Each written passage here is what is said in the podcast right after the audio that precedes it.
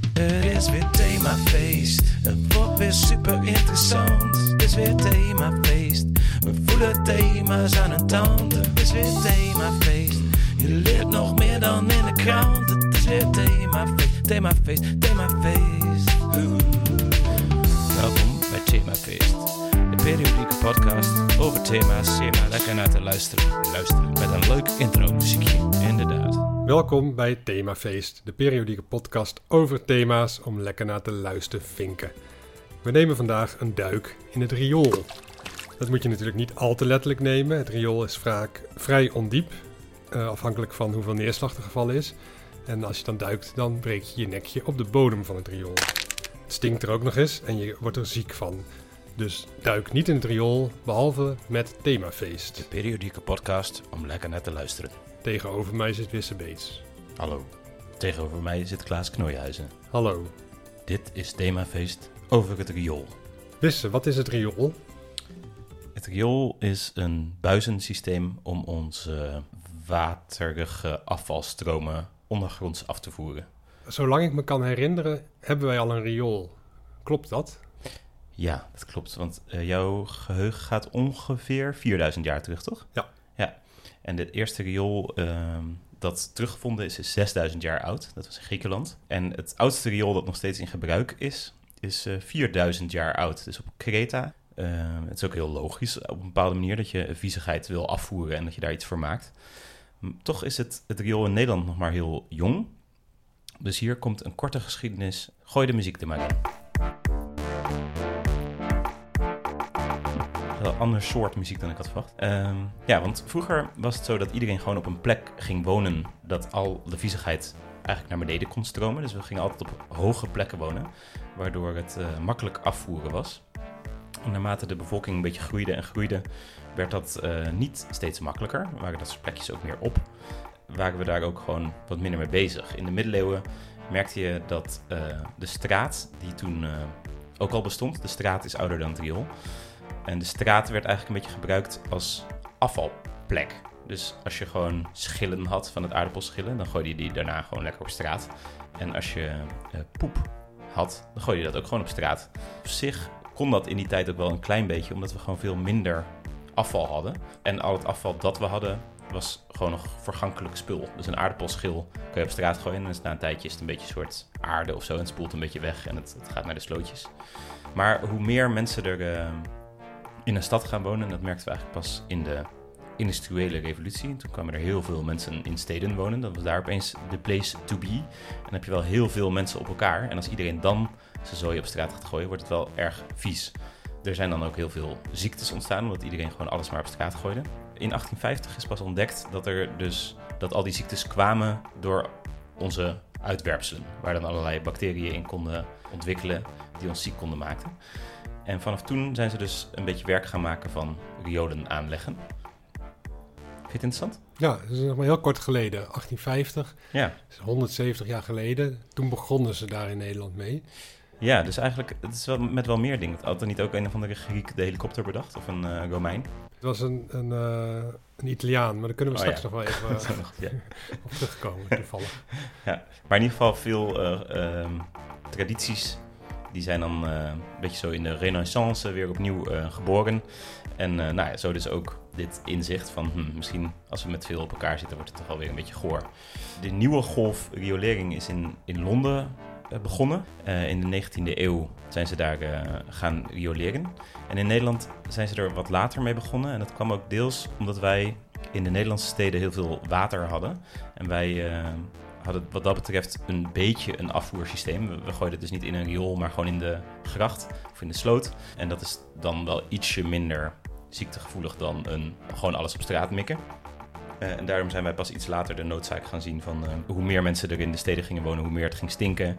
En toen zijn ze op een gegeven moment die, die grachten een beetje gaan eh overstelpen.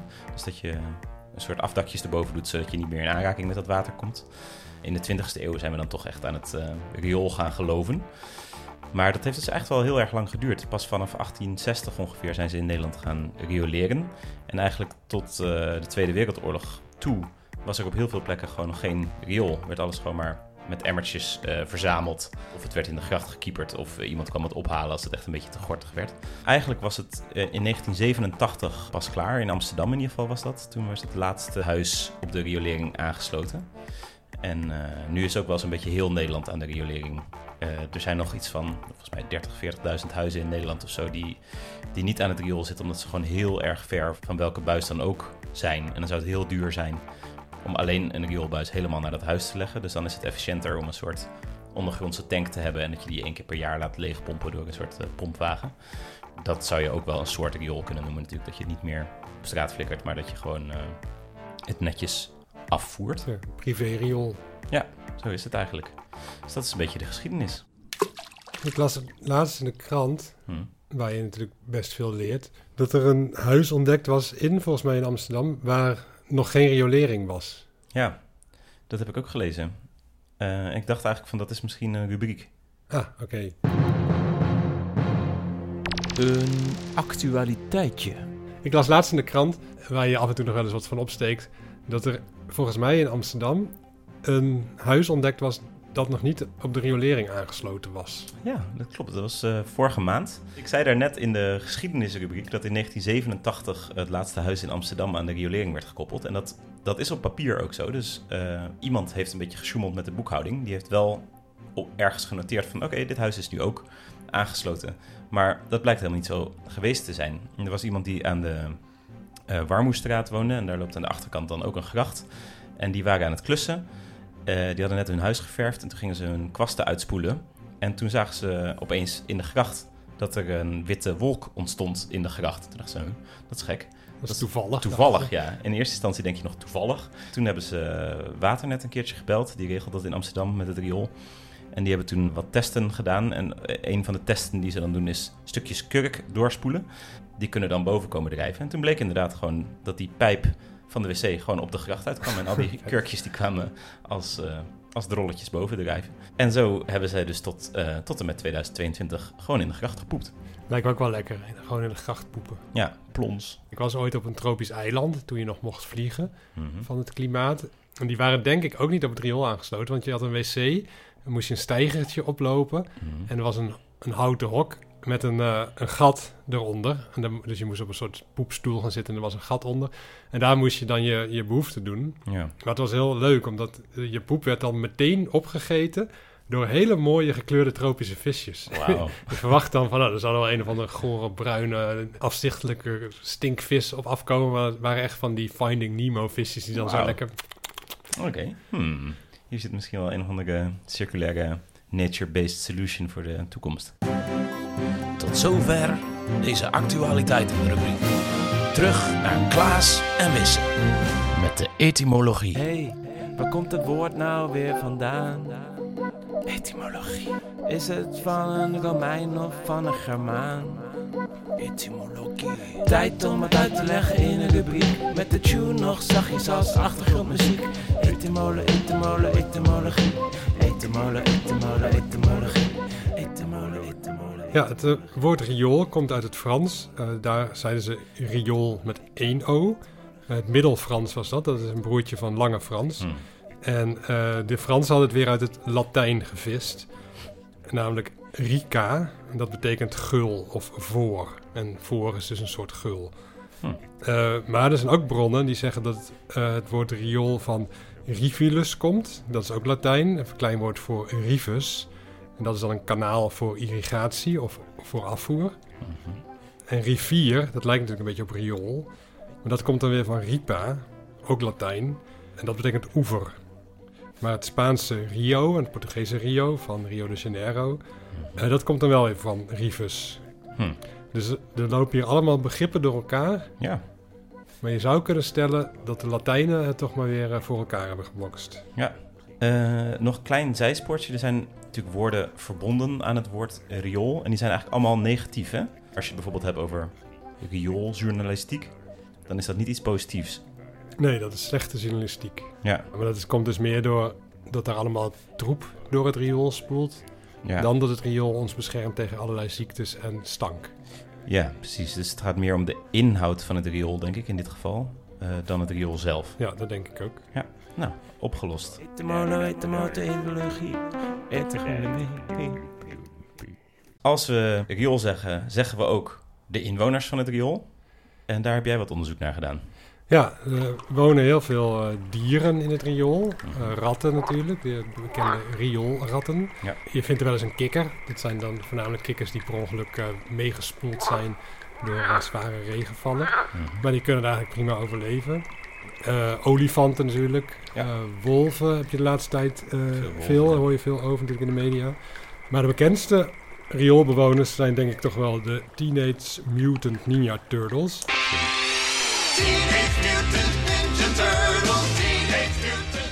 Zijn eh, in het Nederlands gemuteerde ninja-schildpadden in hun tienerjaren.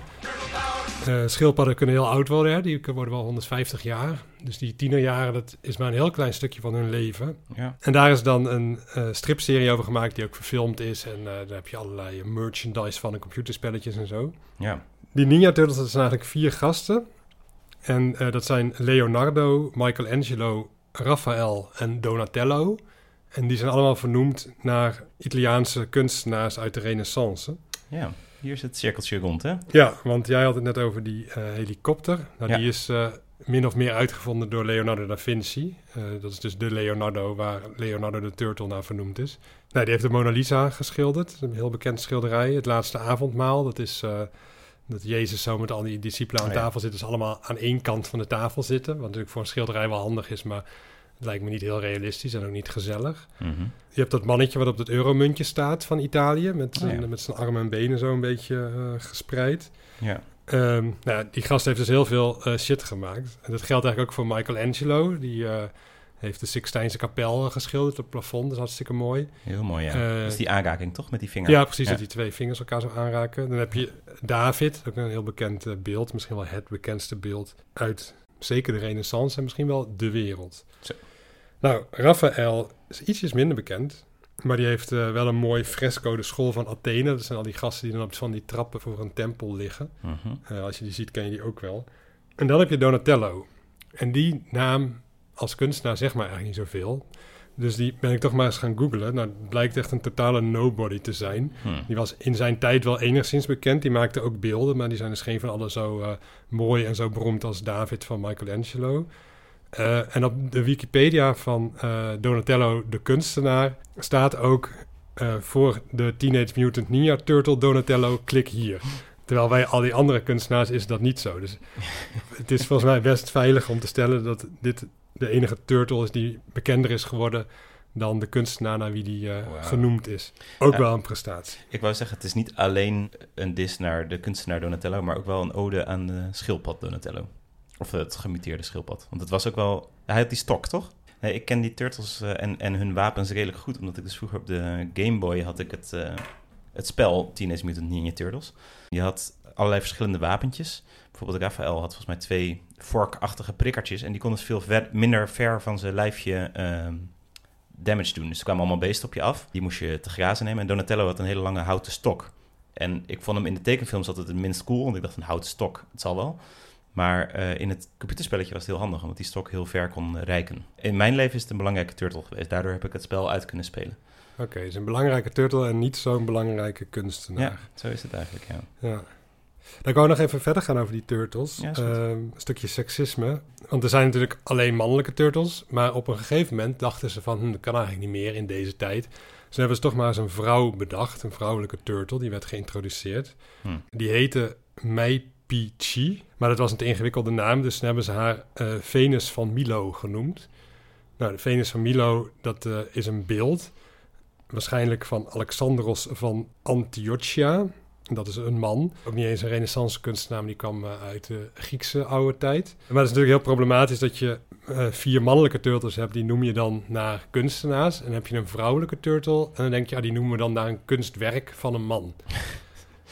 Ja het is behoorlijk typisch, hè? Maar is het zo dat er uit die tijd geen, geen kunstwerken van vrouwen bekend zijn dan? Of hebben ze gewoon geen moeite gedaan? Nou, je had niet zo heel veel moeite hoeven doen als turtlemaker om, om eh renaissance vrouwen te vinden. Ze waren wel, ze waren er veel minder dan mannen. Eh, ze mochten bijvoorbeeld niet lid worden van gildes en ze mochten Hmm. geen kunstopleidingen doen. Dus ze hadden het aanzienlijk moeilijker.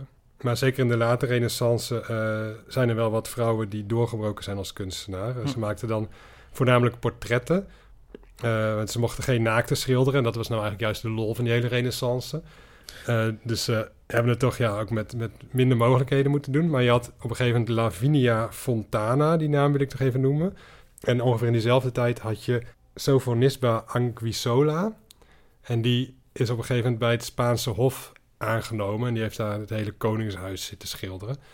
Als ik de Turtles had gemaakt, had ik gekozen, denk ik, voor Lavinia, omdat het een mooiere naam is. Ja, zeker, ja. Het lijkt wel een beetje op Leonardo. Die zou je er dan meteen uit kunnen keeperen. Ja, of dus die Sophonisba, maar dat vind ik, mm, vind ik niet zo lekker bekken, eerlijk gezegd. Nee, nee. Nou, maar op zich zou het wel goed zijn om er misschien twee vrouwen in te doen. Ja, misschien moeten ze gewoon allebei doen. En dan zou je Donatello er misschien uit kunnen doen, omdat dat niet echt een heel eh ja, groot kunstenaar is achteraf. Maar wel jammer van die stok voor jou dan. Ja, maar goed, je kan die eh, vrouwen natuurlijk wel een mooie... Dan kun je een stok geven. geven. ja. ja. ja, waarom niet? Oké, nou goed, dat eh renaissance vrouwen postuum, dat wel. Eh, toch nog... eh, rest in peace. ja. Ik had verteld over het Gameboy spelletje, toch? Mhm.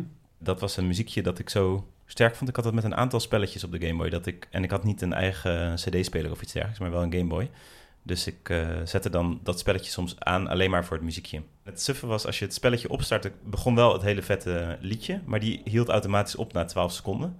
Dus ik moest het level starten om het liedje te kunnen luisteren. En als je gewoon stil bleef staan waar je begon, zeg maar. Er was niet een timertje dat opliep en er was ook geen vijand die eraan kwam als je niet ging lopen. Dus daar liet ik hem dan staan. Er stond eigenlijk Donatello, stond dan gewoon ja, een kwartiertje niks te doen. Met zijn stok. Maar ik zat dan eh, te swingen op zijn muziek. ik heb me zelfs een keer ziek gemeld voor school, omdat ik, ik... Ik vond het dus een lekker liedje en ik had het idee dat het goed zou werken als house-versie. Je had toen net een beetje de Smurf house en dat soort dingen. Mhm. En ik dacht eigenlijk, als ik er nou een, eh, een beat onder zou kunnen zetten... dus dat... Ik dacht, zo'n beat kan eronder. Maar ik durfde dat nooit te doen als, als mijn ouders of mijn broer thuis waren... want we hadden een heel gehoorig huis. En toen heb ik me een keer ziek gemeld. En toen ik weet nog heel goed dat ik toen eh, van de bank... want als we ziek waren, mocht je op de bank liggen. En dan rende ik naar mijn kamertje. En ik had namelijk wel een cassette recorder van. Nou, een heel oud eh, apparaat eh, was over. En die had ik op mijn kamer staan.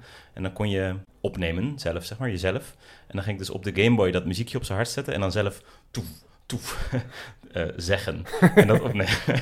en toen eh, weet ik nog dat ik dat aan het doen was. En dat toen mijn moeder door de ramen mijn kamer inkeek. Die was in de tuin aan het werk. en die had, eh, nou ja, ik voelde me erg betrapt. En dat ik zoiets doms aan het doen was. En dat ik eigenlijk niet ziek was. Is dat bewaard gebleven? Nee, ik zat net te denken van dat zou nu heel leuk zijn om te laten horen. Maar ik ben op zich bereid het nu opnieuw te maken voor de luisteraar. Oké, benieuwd. Yeah.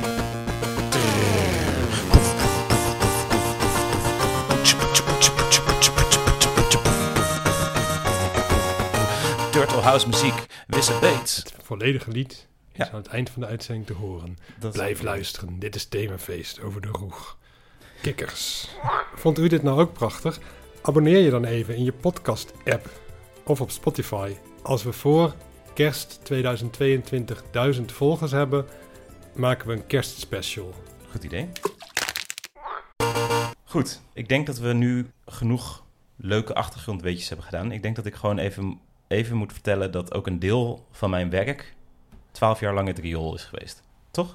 Een deel van jouw werk is 12 jaar lang het riool geweest. Eh, nee, wacht even. Ik heb 12 jaar lang werk gehad en dat werk ging deels over het riool. Oké, Ja. dus jij weet hier meer van dan ik. Ja. Eh, wil jij ons en de luisteraars dan uitleggen hoe dat allemaal werkt? Ja, dat is goed. Ik neem u mee in de wereld van het riool. Alle waterstromen van ons huis die komen natuurlijk in het eh, riool terecht. We hebben besloten om onze drollen in ieder geval in het watersysteem te gooien. We hebben natuurlijk heel veel afval. Als je bijvoorbeeld je nagels knipt, gooi je het misschien in de prullenbak. En als je je haar knipt, misschien ook wel, dan doet de kapper dat in de prullenbak. Eh, maar de drollen, die wil je zo snel je huis uit dat je eigenlijk het niet een tijdje in een zak in je huis wil hebben. Je wil het gewoon meteen weg hebben. Dus toen hebben we bedacht van dat kan je misschien dan in een soort buizensysteem dat je er meteen vanaf bent, dat je het meteen wegspoelt. Dan heb je natuurlijk best wat water voor nodig om dat voor elkaar te krijgen. De Nederlander gemiddeld die gebruikt eh, 129 liter per persoon per dag. Waarvan eigenlijk bijna al dat water, dat spoelen we weg. Dat gaat ons huis uit in het riool. 33 liter per dag gebruiken we voor de wc om onze drollen weg te spoelen. Daar is het riool het bekendst van. Maar eigenlijk het meest Water wat we in het riool spoelen komt nog van de douche. Dat is 46 liter per dag per mens. Wat we dus consumeren is maar 2,6 liter hè, drinkwater. Had je dat een beetje verwacht, die verhouding? Ja, ik douche ook altijd heel lang. Dus bij mij Oh, ligt ja. die verhouding nog heel anders. De, de hoofdmoot van een schone drinkwater, dat eh, gebruiken we eigenlijk maar een paar seconden.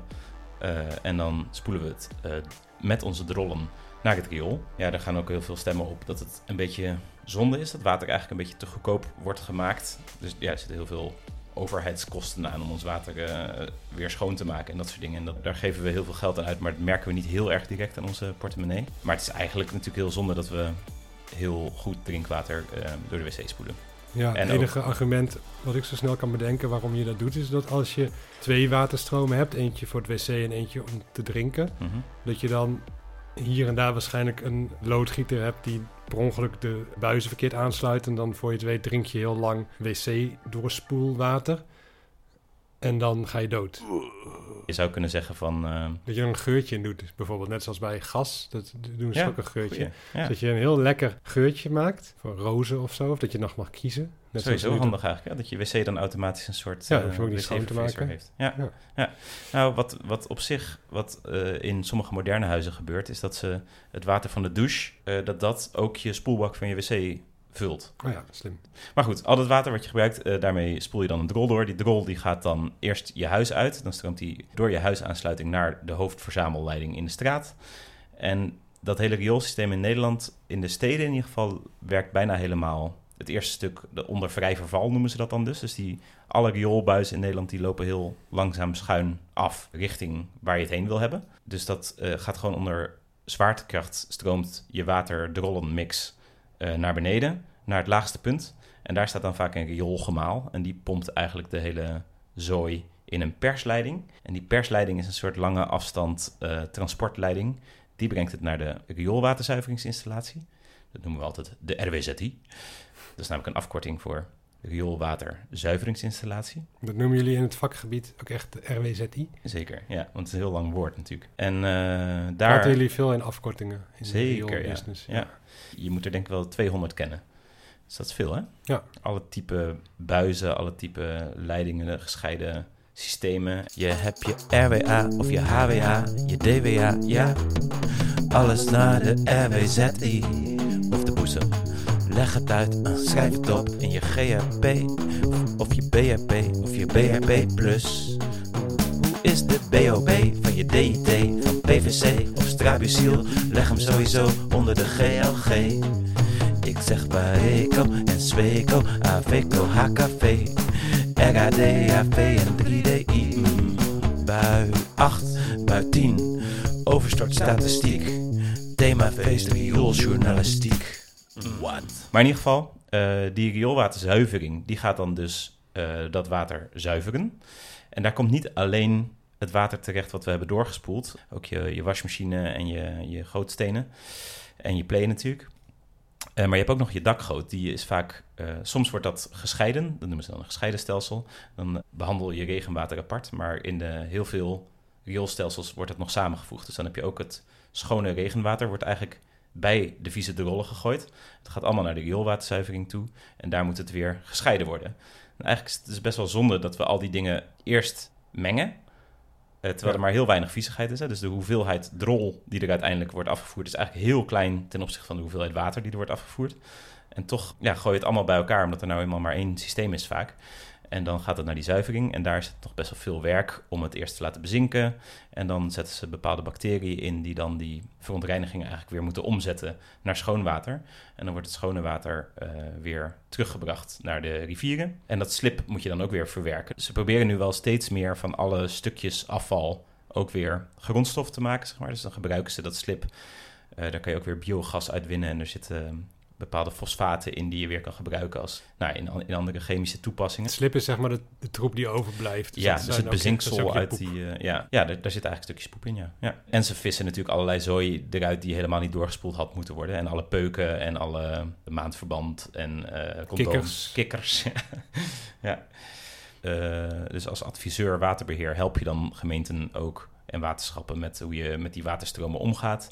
En heel vaak is iedereen dan wel ervan overtuigd van ja, eigenlijk zou het natuurlijk beter zijn om dat water zoveel mogelijk gescheiden te houden. Hè? Want elke regendruppel die valt is eigenlijk een hele mooie grondstof.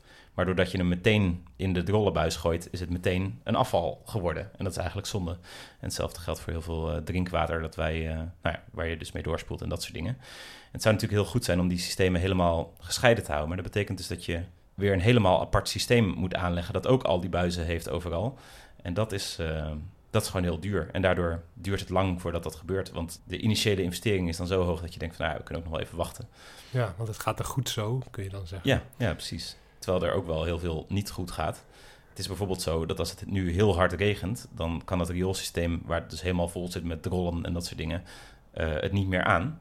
Uh, om het netjes af te voeren. Dan zijn die buizen te klein en door klimaatverandering gaat het steeds harder regenen. Uh, dan heb je dus dat het rioolsysteem het niet aan kan en overstroomt op bepaalde plekken. En dan komt er dus heel vies water in schone watergangen. Dus dan stroomt de Amstel opeens vol met uh, drollen alsnog. Terwijl we blij waren dat er na 1987 dat nooit meer gebeurde. Daar is nu wel aandacht voor om, om dat langzaam op te gaan pakken. Maar het kost wel heel veel moeite en geld. Zijn er wel eens een beetje volgens mij. Ja, er is vaak een lied of een verhaal natuurlijk. Ja, Heb dat jij, is waar. Uh, enig idee? De vorige keer hadden we natuurlijk die roeg. Oh ja. Toen was er een lied van anderen ja. en een gedicht. Mm -hmm.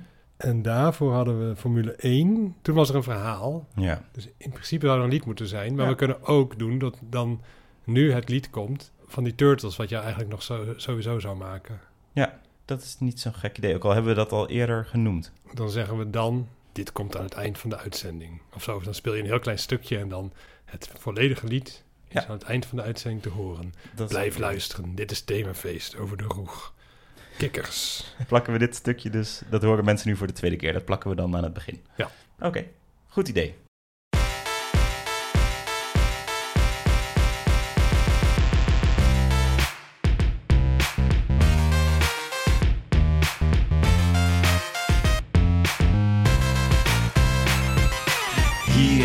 Komt echt alle shit samen. Mijn vuilwater en mijn jeugd blijken geen gescheiden stelsel. Zie je me dansen op de tunes van mijn Gameboy. Zie je me poef, poef, poef, poef roepen tegen mijn radio. Het is jammer dat ik me schaamde toen. Nu doe ik dat niet meer, want ik ben herboren. Mijn eigen renaissance. Kom je lekker met me dansen? De middeleeuwen zijn voorbij. Donatello en Lavinia, we eten pizza in het DWA. Ik RWZI, wat jij niet ziet. Met Sofonisba en Guisola. Spoel maar door, dit is nieuwe shit. Ik bijt op dit, een soort David. Ik de beeldhouwer, Turtle Power. Turtle Power. Turtle Power. Periodieke podcast, Themafeest.